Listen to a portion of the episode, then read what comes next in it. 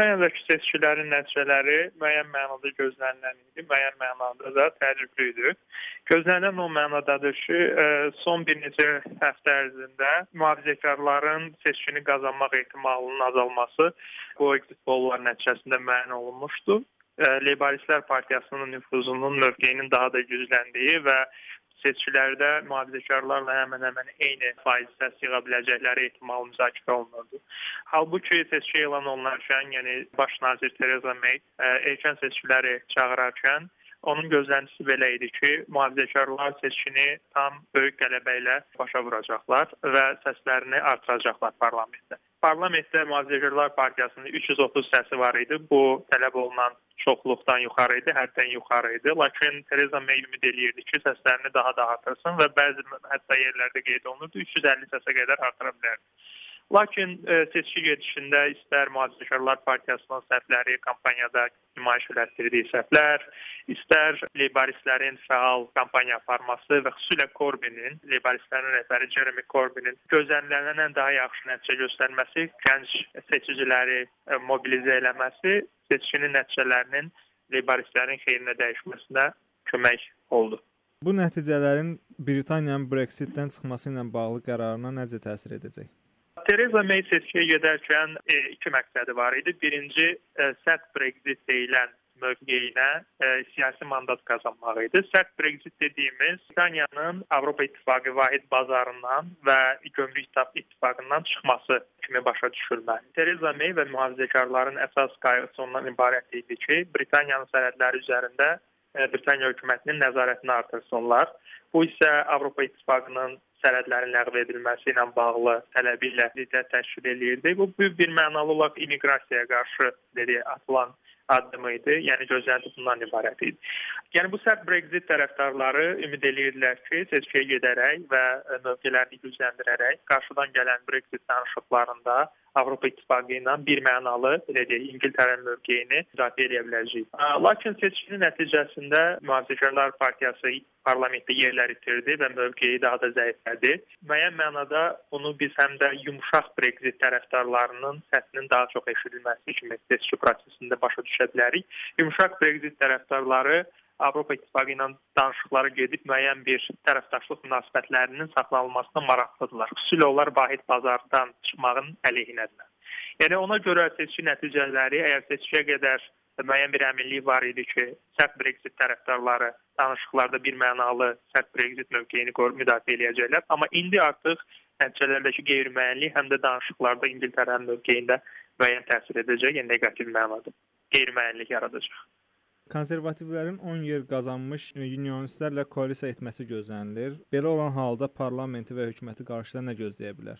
Belə deyək, mühafizəkarlarla unionistlər arasında gündəlikləri arasında oxşarlıqlar çoxdur. Bir növ bu Demokratik Unionist partiyanın gündəliyi ə, müəyyən mənada elə mühafizəkarların gündəliyinə bənzəyir. Onlar Şimali İrlandiyanın bir növ mühafizəkar partiyasının həmin-həmin oxşar alternatividir. Yəni onların koalisiyası müəyyən mənada, yəni həm demokratik unionistlər, həm belə deyək, mühafizəkarlar Brexit tərəfdarı idilər. Yəni Avropa İttifaqından çıxmağın tərəfdarı idilər.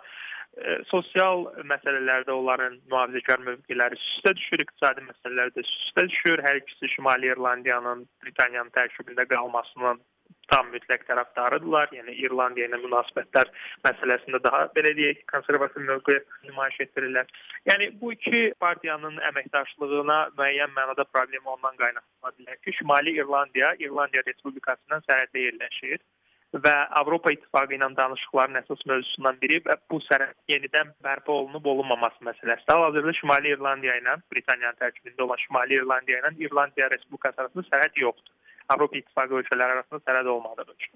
Amma Brexit əgər sərt Brexit baş tutarsa, bu iki belə deyək, ərazi arasında sərhəd yarana bilər və bu da Şimali İrlandiyada müəyyən bir siyasi iqtisadi e, qeyri-sabitliyə gətirib çıxarda bilər. Ona görə unionistlər biraz bu məsələdə daha yumşaq mövqeyin tərəfdarıdırlar. Yəni Avropa İttifaqından sərt Brexitin tam tərəfdarı deyillər ə, yumşaq Brexitə daha çox meyl edirlər. Yəqin ki, burada müəyyən bir danışıqlar gedəcək və mühafizəkarlar hansısa İrlandiya ilə bağlı, İrlandiya Respublikası ilə sərhədlə bağlı müəyyən bir güzəştlərə gedəsi olacaqlar. Seçkinin nəticəsi olaraq tarazı parlament yarandı. Bu tarazı parlament nə deməkdir?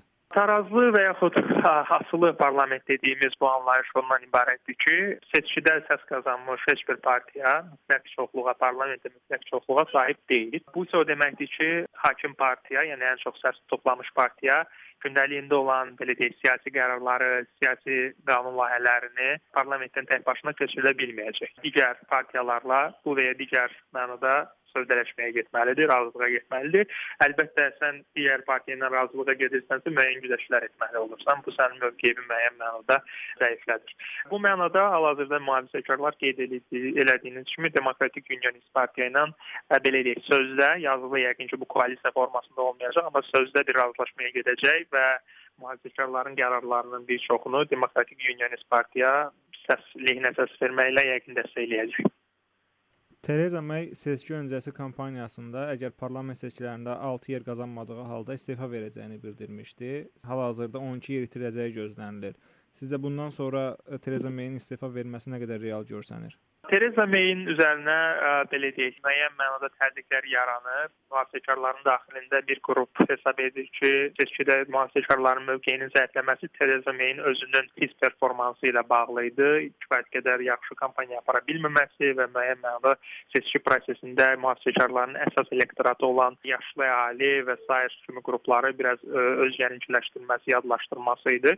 Tereza May-in sefaya gedəcəyini düşünmürəm. Bugünkü çıxışından da başa düşdüyümüz qədər o qeyd elədi ki, e, bu dövrdə, bu seçki sonrasında Britaniya sabitlik, siyasi sabitlik lazımdır və böyük ehtimal ki, o hökumətdə qalacaq və danışıqları da özü aparacaq Avropa İttifaqı ilə.